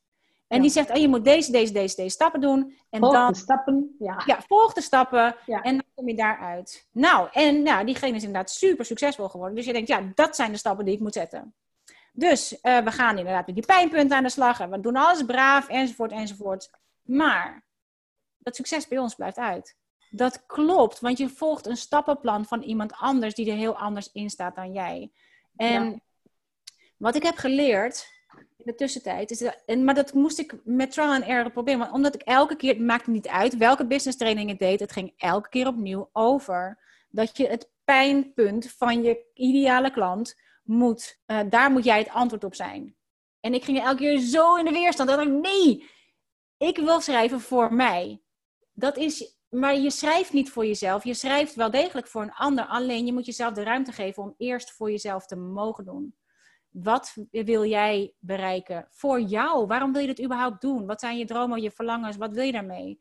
Dan pas kun je naar je ideale klant, of je ideale lezer, of je ideale luisteraar, of welke dan ook. Is, is daarom dat transformation quadrant voor jou ook zo belangrijk geworden? Daar heeft, dat was het eerste. We hebben het over het transformational quadrant van uh, Christine Closer. Christine Closer, ja. Van zij heeft, uh, de, uh, zij heeft het Get Your Book Done programma. Maar daarvoor, voordat ze dat lanceert, doet zij de Book Breakthrough Quest. En daarin kan je binnen 15 minuten kan je voor jezelf een soort van outline maken voor je boeken en wat ze voor effect zullen hebben op de wereld. Dus ik heb dat, die quest gedaan. Inderdaad, binnen 15 minuten had ik de grootste clarity die ik niet alleen voor mijn boek. En toen was ik nog bezig met mijn Joyride to Freedom experiment. Om daar een soort van illustrated documentary van te maken. Ik wist nog helemaal niet waar dat heen ging. Ehm, maar het feit dat zij begon bij zelf van het kwadrant. Ja, het zijn precies die vier onderdelen. vier onderdelen dat was eindelijk mijn permissie om het voor business ook zo te doen. Ik, ik dacht, zie je, zij snapt dit, want zij is een schrijver. Zij komt vanuit een ander in, zij neemt een andere invalshoek. Dus zij begon wel ook in dat kwadrant begin je ook met je business. Zeg maar, het kwadrant bestaat uit je wil, het is een transformational quadrant. Je wil, zij heeft het over transformational books, want zij gaat uit van dat we non-fictie schrijven en dat we iets teachen. Precies. Ja. Dus het gaat erom uh, wat je met je. En zij, zij heeft een book-based business. Dus in dit geval gaat het om het boek. Ja. En ze, dat, dat is ook wat haar programma is. De Get Your Book Done is een book-based program. Ja. Zij begon met zelf. Welke transformatie wil je voor jezelf doormaken door het schrijven van dit boek? Daar geef je Ik eerst denk dat het ook voor de podcast geldt. Natuurlijk, het geldt eigenlijk voor alles. Maar doordat ik eindelijk iemand die ook business is. Ja. Dat en want toen zag ik het ineens wel. Want als je die transformatie voor jezelf eerst maakt, welke transformatie wil jij doormaken ja. voor jezelf? Dan ga je kijken welke transformatie wil je dat je lezer doormaakt. Door het lezen. Was het een soort toestemming? Helemaal. Dat is toestemming. Ja, maar ook omdat ik ineens het kwartje viel ineens. Ik dacht, het was inderdaad een soort van uh, ik kon eindelijk door die weerstand heen. Ik dacht, ik, ik kan het, ik heb het, dat je denkt, ik zag het wel goed. Ik zag het wel goed. Weet je, dat je elke keer denkt, dat je iets ziet en dan zegt, nee, nee, nee, nee, dat moet je niet zo doen. En dat je elke keer gaat twijfelen aan wat je ziet. En ik dacht, zie je nou, zie je nou, op het moment dat ik bij mezelf begin en ik weet welke transformatie ik doormaak met het creëren van mijn boek, of met het maken van een podcast, of met het maken van een filmpje, dan ga je wel degelijk kijken. Kijk, als het alleen maar bij jezelf blijft, ja, dan maak je het voor jezelf. Maar dan ga je wel degelijk kijken welke transformatie wil je dat je lezer doormaakt bij het lezen van je boek. En hier kan je lezer vervangen door luisteraar, door uh, kijker. Je audience, je, audience, welke vorm dan ook.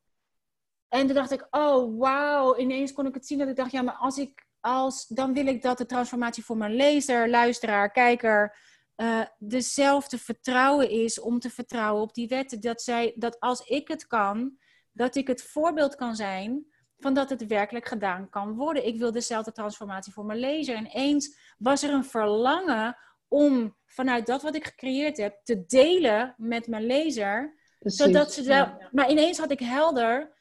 En dan zit je niet op pijnpunten, dan zit je gewoon op groei. Dan zit je op dat je denkt: oh wauw, ja, dit heb ik ook gehad. Dit is wat ik heb gedaan. Zo kan je er ook naar kijken. En het is. Nou ja, toch zijn het, ik bedoel, het, is, het zijn natuurlijk woorden, maar uiteindelijk is dat ook een pijnpunt, want jouw lezer leest iets wat ze wel verlangen, maar nog niet beheersen. Ja.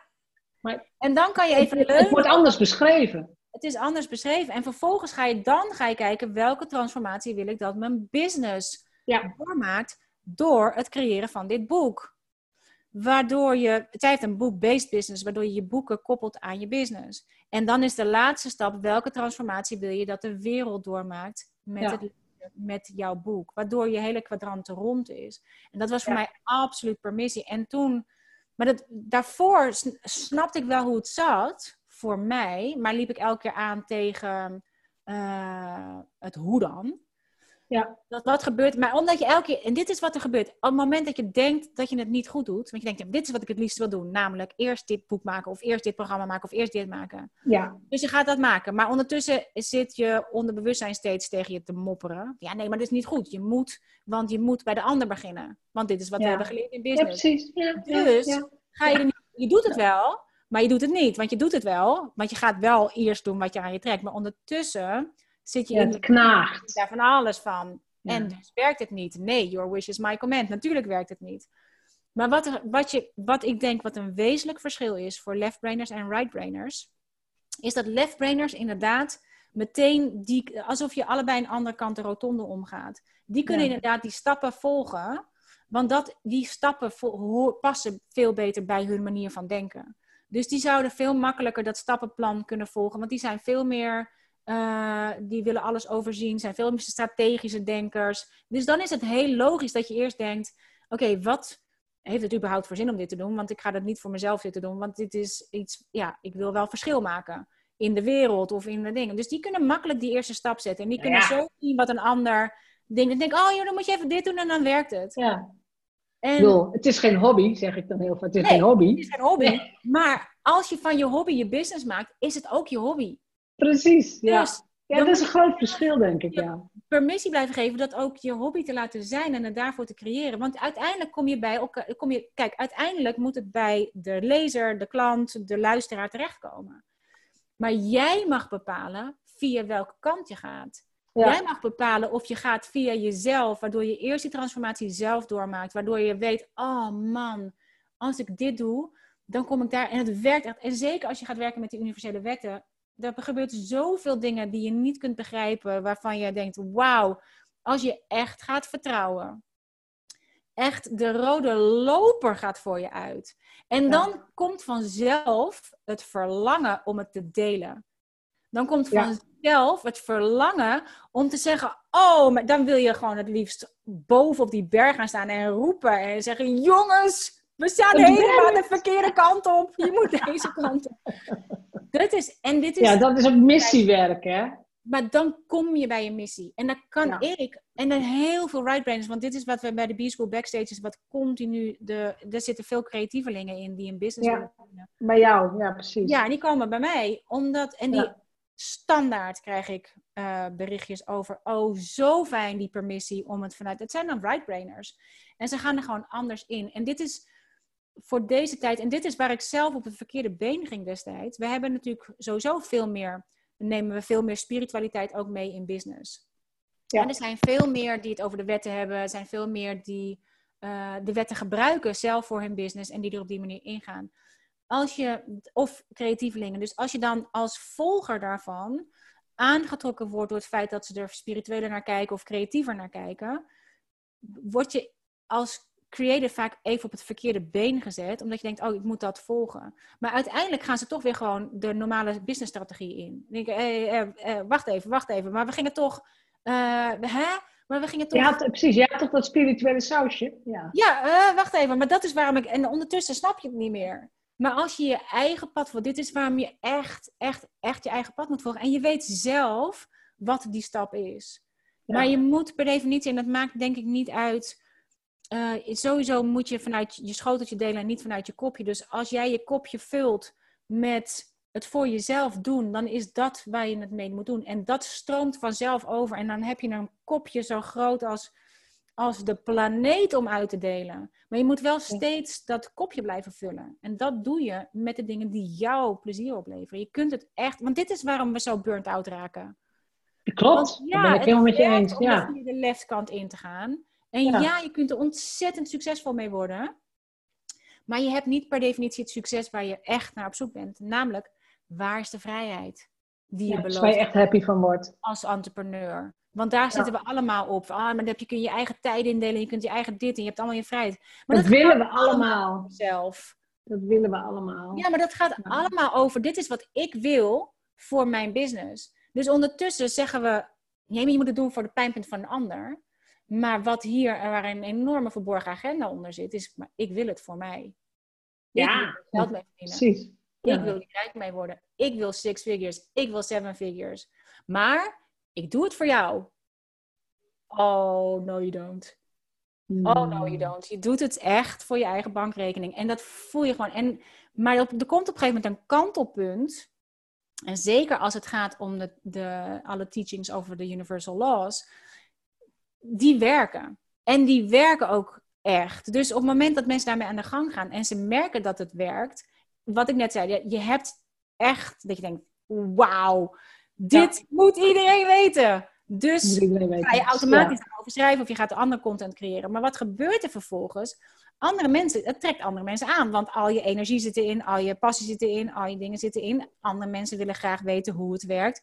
Voor je het weet heb je een hele following die dat van jou willen weten. Vervolgens, wat gebeurt er vervolgens? En dat is een beetje waar we het over hadden vorige keer met uh, Groot en Meeslepend Leven met het boek. Ja.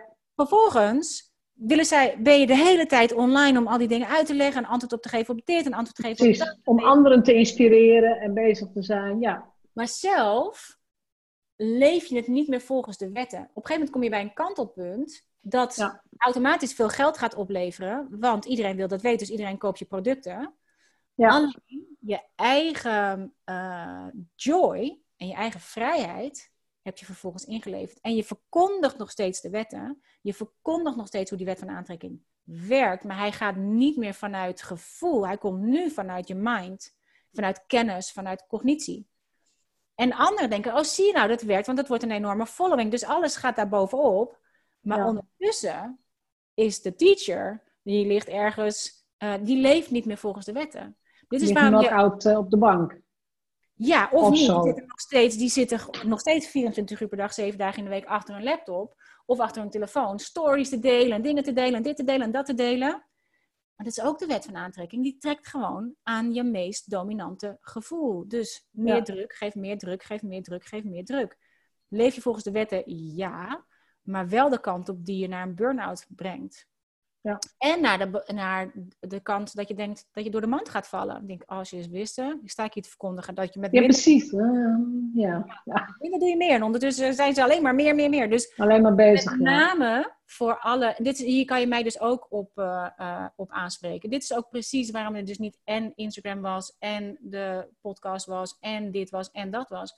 Want die hele no-put tijd, die moet, heb ik nodig. Ja. Ik, wil, ik moet de wetten leven ja. voor het doorgeven. En dat houdt in dat je offline bent. Online bent. Want ik moet het voelen. En ik kan het alleen maar in mijn eigen lijf voelen. Ik kan het alleen maar in mijn eigen lijf ervaren. Ik kan het alleen maar met mijn eigen zintuigen erbij aanwezig zijn. Dus als ik dat weggeef, omdat er zoveel vraag naar is. Uh, en ik dus vind dat ik daar gehoor aan moet geven. Want ja, ik heb ze nou helemaal allemaal geïnspireerd. Ja, precies. Dan doe je het weer voor een ander. Maar ik moet het leven. Dus door het voor jezelf te doen, kan je ook makkelijker blijven bij jezelf. En denk, oké, maar. En dit is, als je mij ineens overal 24 uur per dag, 7 dagen in de week ziet, dan kan je me rustig even een DM sturen, want daar ben ik dan toch. En zeggen, hé, hey, hallo, waar is je notebook? Niet lastig. Hoe bedoel je, ik werk via het 4-4-4 manier en ik doe 4 uur output, 4 uur input, 4 uur output. Nee. Where is the notebook? Nee, precies. Dat gaat dan niet goed. Dus weet je, dan hebben we dus een paar maanden geen podcast van jou. Dan komt er gewoon een paar maanden even niks. Um, hij blijft wel in de lucht. En er komt waarschijnlijk weer een moment dat je zegt... Ik zit nou weer lekker... Op het moment dat ik, wat ik nu vandaag had, voordat we elkaar spraken... Voordat ik wij het over podcasten gingen hebben... Ja. Had ik dat gevoel in de auto dat ik dacht... Oh, ik zou nu echt zin hebben om een podcast op te nemen. Precies, ja. Dus, dus weet je, en het is heel mooi als je gewoon dat soort kanalen al gebouwd hebt. En, en, en, ze zijn er gewoon voor je. Dus de reden dat ik met podcasts praat, is dat ik inderdaad tegen mensen wil zeggen: als jij wilt, als je dit soort dingen wilt delen, die misschien wat langere tijd kosten, want een uh, gemiddelde Facebook Live is denk ik vijf, zes minuten. En heel veel mensen vinden dat niet comfortabel. Maar in een podcast heb je ook gewoon de tijd om dingen uit te leggen. En om te beschouwen en om een gesprek te voeren. En, en ook, wat ik er ook fijn vind, is dat je een ander ook achter zijn device weghaalt. Want je kunt een podcast, stop je letterlijk in je zak en je gaat een uur lopen met de honden. En ondertussen, of je gaat inderdaad rijden, of je zit in de trein, of je bent je huis aan het opruimen. Terwijl je ondertussen. Het is een super fijn medium, waardoor je, um, min, ook al luister je het online, je bent wel even weg van alle. Ja. Uh, en het is, niet zo, het is niet zo gehyped met, of eigenlijk helemaal niet, met likes en hartjes. En, ik heb geen idee. Nee, ja, ik heb mijn statistieken. ik weet, ja, ja. Je weet welke aflevering populair is. Ja, en dan ga, als je daar niet uitkijkt, dan ga je daar weer checken. Oké, hoeveel, hoe, hoe ver sta ik in de ranking? Weet je, ben ik, uh, sta ik, uh, hoe hoog ben ik ja. gekomen met deze? Wat is ja. als je maar dat, uit, dat, ga daarheen. Precies, en daarom is het leuk om terug te gaan naar, die, naar dat kwadrant vanzelf. Maak ze inderdaad gewoon voor jezelf. En zorg dat je een leuke tijd hebt. Met ja, tenminste met de podcast. Ja. ja, en ik denk ook, en dat geldt zowel voor business, maar dat geldt natuurlijk ook voor podcasts. Het geldt voor heel veel dingen. Weet je, als je in business gaat, dan hebben we het natuurlijk altijd over consistentie. Je moet, je moet wel consistent zijn in je output. Je moet wel consistent zijn in dit. Je moet consistent zijn. Ja, maar dan wordt het zo snel. En ik snap dat wel. En voor een deel denk ik dat, je, dat het ook een, een hè, actie komt voor inspiratie. Maar dit is waarom ik het zo'n cool experiment vond wat gebeurt er als je echt alleen maar doet wat er aan je trekt? En als je denkt, ik voel het niet. Je zegt, doe het niet. Ja. Dat je niet jezelf... Nou ja, precies. Ik, ik heb me nu gecommitteerd aan 100 in 100. Hè, 100 afleveringen in 100 dagen. Dat vind ik een heerlijk project. Omdat ik er redelijk all in uh, kan gaan. Daarna weet ik het nog niet. Nee. Nee. En ik ben ook niet iemand die zegt, oh, elke maand nog om vier uur is de nieuwe uitzending. Uh, ik moet het ook nog zien. Ja. En dat vind ik Um, ik denk, en zeker jij, met, jij, jouw hoogste waarde is vrijheid, mijn hoogste waarde is vrijheid. Dan is dat het belangrijkste. Ja. Dan is dat het belangrijkste. En nu, kijk, we zijn als entrepreneurs en ook als schrijvers en uh, kunnen we het helemaal zelf in uh, aankleden. We kunnen, mogen het helemaal zelf weten. Maar ondertussen stoppen we onszelf in een keurslijf. Van... Ja, als we niet uitkijken wel, ja, klopt. Ja. Ja, dus het, voor, mij, kijk, voor mij is de podcast ook gewoon een manier om, uh, om weer verbinding te maken met mensen. Ik bedoel, nou, wij praten nu ook weer een uur. Ik heb al met zoveel ontzettend leuke mensen gewoon een uur gepraat. En omdat het voor een podcast is, durf ik ook vragen te stellen. Durf je ook een laagje dieper te gaan. Als je gewoon iemand zou bellen en zegt, hey, hoe is het met je? Ja, dan ben je in ja. weer uitgepraat. Ja, nou dat, wij dat, Nou ja, oké. Die vliegen gaat niet op, maar uh, het is heel fijn dat we het nu deze keer opnemen. we nemen het op, het komt allemaal online. Nu hebben we het gewoon gevangen, maar deze gesprekken ja. zijn natuurlijk sowieso. Deze gesprekken hebben wij sowieso en nu mogen er mensen meeluisteren. Ja. En dat vind ik ook leuk, want ik heb ook een podcast, de Freedom Writers podcast, samen met uh, Roos Slikker en Roanne van Voorst. Zij zijn allebei schrijvers. En die is ontstaan omdat ik me, uh, mijn mijn missie is veel meer om het schrijversleven te leven, zeg maar. Dus uh, als, ik, als je bij mij gaat kijken wat er staat op mijn verlanglijstje, dan staat daar een, uh, dat ik denk, ja, maar ik wil gewoon uh, vrienden, intellectuele vrienden en gesprekken voeren over filosofie en schrijven in cafés. En ja. dat is wat ik zo wil ik leven. En dus trek ik dat soort vrienden aan. En dus, dus ik had Roos en Roanne allebei gevraagd of of wij uh, niet de Freedom Writers konden worden. Gewoon, en als helemaal niet als podcast bedoeld, maar gewoon als Eén keer in zoveel tijd even samenkomen, even samen schrijven, even hebben over schrijven, over het schrijversleven. Want ik heb wel mensen die business doen en daar kan ik gesprekken mee hebben. Dan kan ik ook heel diep gaan, vind ik super cool. Maar het schrijversleven is ja, een leven. Ja, ja, dus wij spraken één keer in zoveel tijd af met z'n drieën te praten over het schrijversleven en over schrijfdingen. En toen zei Rowanne op een gegeven moment van, moeten we hier niet een podcast maken? Eigenlijk moeten we dit even opnemen, want de gesprekken die wij hebben... Precies, neem het op. Die zijn eigenlijk voor alle aspirant-schrijvers, voor schrijvers, zijn gewoon fijne tips en tools om te hebben. En voor ons is het heerlijk om erover te spreken. We kunnen het net goed even opnemen. Zo is de Freedom Writers podcast ontstaan. Ja, hoe cool is dat? was ook geen, geen plan. Het was, dus ik heb, we zijn bij elkaar gekomen omdat ik een diepe behoefte had om met andere creatives, schrijvers die me snappen en die begrijpen dat letters en woorden en al die dingen, dat die, oh man, hoe fijn. Ja. En dat, is, dat heeft weer geleid tot uh, de Freedom Writers podcast. Dus ja. die podcasts die zijn allemaal per ongelukjes. Maar zo ben ik nou überhaupt nou ja. Precies, maar dat is wel mooi. Want ik, ik weet dat heel veel mensen ook wel de behoefte voelen om iets, iets te gaan doen met een podcast. Maar inderdaad geen idee hebben hoe en wat enzovoort. En jij zegt gewoon neem de eerste stap. Begin gewoon. Ja, en ik gebruik nog steeds dezelfde stappen die ik in de eerste stap deed. Namelijk gewoon mijn, uh, mijn telefoon met mijn dictafoon erop. Mijn oortjes eraan. En dat is wat ik doe. En ik doe hem als een bandteker. Ja, ik ook. Maar en dat is een, eh, dus ik edit niks. Dus dat scheelt enorm veel uh, werk. Um, je hoeft echt... En ja, is het van het geluid fantastisch? Nee. Is het... Um, goed is goed uh, genoeg. Een intro, een outro? Nee. Maar die maak ik gewoon on the go. En denk, ja, oh, maak je the go. er heel goed bij. Denk, oh, waar gaan we het over hebben? Oh, wauw. Of het, het kan via een nummer komen. Of het kan via een... Um, uh, ja. Ja, dan zeg ik toch zelf even waar het over gaat, in plaats van dat je... Nee, precies. Je, je, hebt, je hebt daar in je eigen vorm uh, gewoon gekozen. Ja, ook omdat en ik... Daar, en weet je, daar is ook geen goed of fout of slecht of beter. Is het gewoon niet. Het is, nee. Kies je eigen vorm. Maar wacht niet totdat het perfect is. Want ik ben op die manier begonnen omdat ik nog geen jingle had. Ik had niks, want ik had alleen de behoefte om even wat in te spreken. Ja. Gewoon voor mijn eigen community. Om te zeggen, oh, hey jongens, dit is... Uh, ja. uh, Weet je, dus daar was het mee begonnen. En dat is uiteindelijk gevormd tot een podcast. Maar ik had geen jingle ervoor, geen intro, de auto ervoor. Dus dacht ik, oh nou, als ik een jingle zou hebben, dan zou dat voor dit podcast, voor deze podcast, zou dat dit zijn. Dan komt er weer een liedje, een stukje. Ja, want ik denk, oh ja, een jingle, die moet ik natuurlijk eigenlijk wel hebben. Maar heel veel blijven daarop hangen. Ik moet een jingle hebben, ik moet een ding... Nee, je, je hebt helemaal geen jingle nodig. Echt nee, niet. Er zijn ook heel veel podcasts die gewoon zeggen, welkom, we gaan het vandaag hebben hierover. Ja. Uh, ik heb wel een jingle, maar goed, weet ja. je, iemand heeft het voor mij gemaakt. En ik vind, oh, mijn zoon heeft hem voor mij gemaakt. Ja. ik vind het helemaal leuk. It's a family affair, ja. It's a family affair. Dan zou ik hem ook inzetten. Maar dan moet hij geëdit worden. Nu doe ik hem gewoon in. Dan moet de intro eraan, de outro eraan. En nu stuur ik het gewoon naar Linda en zij zet hem erop. En ik zou het zelf kunnen doen als ik het... Uh, ik zou het nog zelf kunnen doen. Intro aan, outro eraan, dat weet ik al niet meer. Maar dit uploaden naar iTunes, dat gaat ongetwijfeld nog wel lukken. Nee, het gaat via Soundcloud en dan gaat het automatisch. Ja, precies. Helemaal... Ja, ja. ja. Mag ik jou hartelijk bedanken voor dit tweede gesprek? Ja, zeker. We zijn door de tijd. We, ja. kunnen, nog, we kunnen nog een aflevering, maar dan gaan wij we gewoon najaar misschien. Van die honderd afleveringen van jou kunnen wij ze gewoon alle honderd makkelijk vullen. maar oké, dan mogen ook anderen. Oké, goed. Ja, dan mogen ook Maar dan ook wel andere mensen interviewen. Ja, ja. Dat, is, dat, is ook heel, dat is ook echt heel leuk. Al die verschillende inzichten, verschillende manieren, verschillende ja, verschillende karakters. Dat, ja. is gewoon zo. Ja, ja. ja en dus ook, ook is. er is ook niet één waarheid. Het is ook niet zo. Het is, kijk, het is in mijn waarheid voor vandaag. Het kan ook zijn dat ik er morgen totaal anders over denk.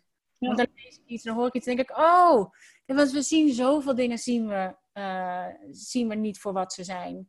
Dus het kan heel goed zijn dat er ineens weer een sluier afgaat of een luikje open gaat. Ik denk, oh wauw, er is gewoon nog veel meer om naar te kijken. Je kan nog veel dieper zo heb ik mijn ja. kind ook opgevoed. Van jongens, dit is wat ik denk dat het beste... We moeten iets. En ik ben in dit geval uh, de moeder, de packleader van dit. Uh, ik heb ook niet voor gestudeerd. Dus um, dit is wat ik denk dat het beste is. We moeten wel iets hebben als gezin. Maar als je zelf denkt, ik weet iets beters, kom er vooral mee. En het kan ook precies. Ja. dat ik morgen iets totaal tegenovergesteld denk. En dan kiezen we opnieuw. Maar voor nu, voor vandaag, op dit moment, denk ik dat dit de beste manier is om het te doen. Ja, en dat is sowieso een heel wijs, een wijs advies, hè? voor vandaag is dit het beste wat je kunt doen. Ja. Want anders wacht je met het schrijven van het boek, anders wacht je met het maken van die podcast, omdat je denkt, ik weet nog niet alles, ik, heb, ik weet nog niet genoeg. Maar ik zou nu, als ik mijn boeken over zou schrijven, zou ik andere boeken schrijven waarschijnlijk. Als ik met, vanaf het begin van mijn podcast over zou doen, dan zou ik andere podcasts maken. Dus ja. zou anders zijn. Maar het is, je doet het Het is wat het is. en daar, daar, dat is ook gewoon genoeg. En kies opnieuw. Change your mind. It's yours. Weet je, je hebt alle recht om er anders over te denken. Je hebt alle recht om te denken, oh, nou. Of je kan ook rustig, jongen. Nou, wat ik vorige keer zei, jongens, dat is echt bullshit. Want nu heb ik iets gelezen. Toen zei ik nog dit, maar nu, ja, dat klopt. Oh, maar als je komt mij ook vragen, zou ik denken, nou, echt niet. Dus... Kom maar, ik, heb zelf, ik heb er ook een podcast, ik weet niet eens meer welke, maar dat ik gezegd nou, ik heb jullie jarenlang dit verteld. Ja. Maar helaas, ik moet toch zeggen dat dit... Ik kom er nou toch achter waar ik nou achter kom. Maar dat is ook... Ehm, dat is groei. Dat is groei. En je, je groeit alleen aan plein publiek.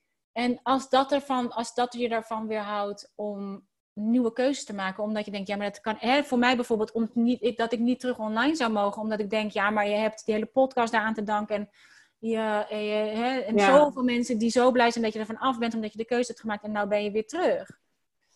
Change your mind, it's yours. Het is nu een andere... Het, doel, het dient een ander doel. En ik krijg er ook vragen over. Maar altijd vanuit een... Hé, maar hoe gaat het nu met je? Hoe vind je het om terug te zijn? En uh, dat ik altijd denk, ja, het klopt nu gewoon. Ik moet mezelf wel in de gaten houden, want ja, het trekt. Dus uh, mijn telefoon trekt ook. Je wil, ga je weer wat zitten checken. En dus je moet ja. de telefoon letterlijk op flight mode zetten of op weg. schermtijd.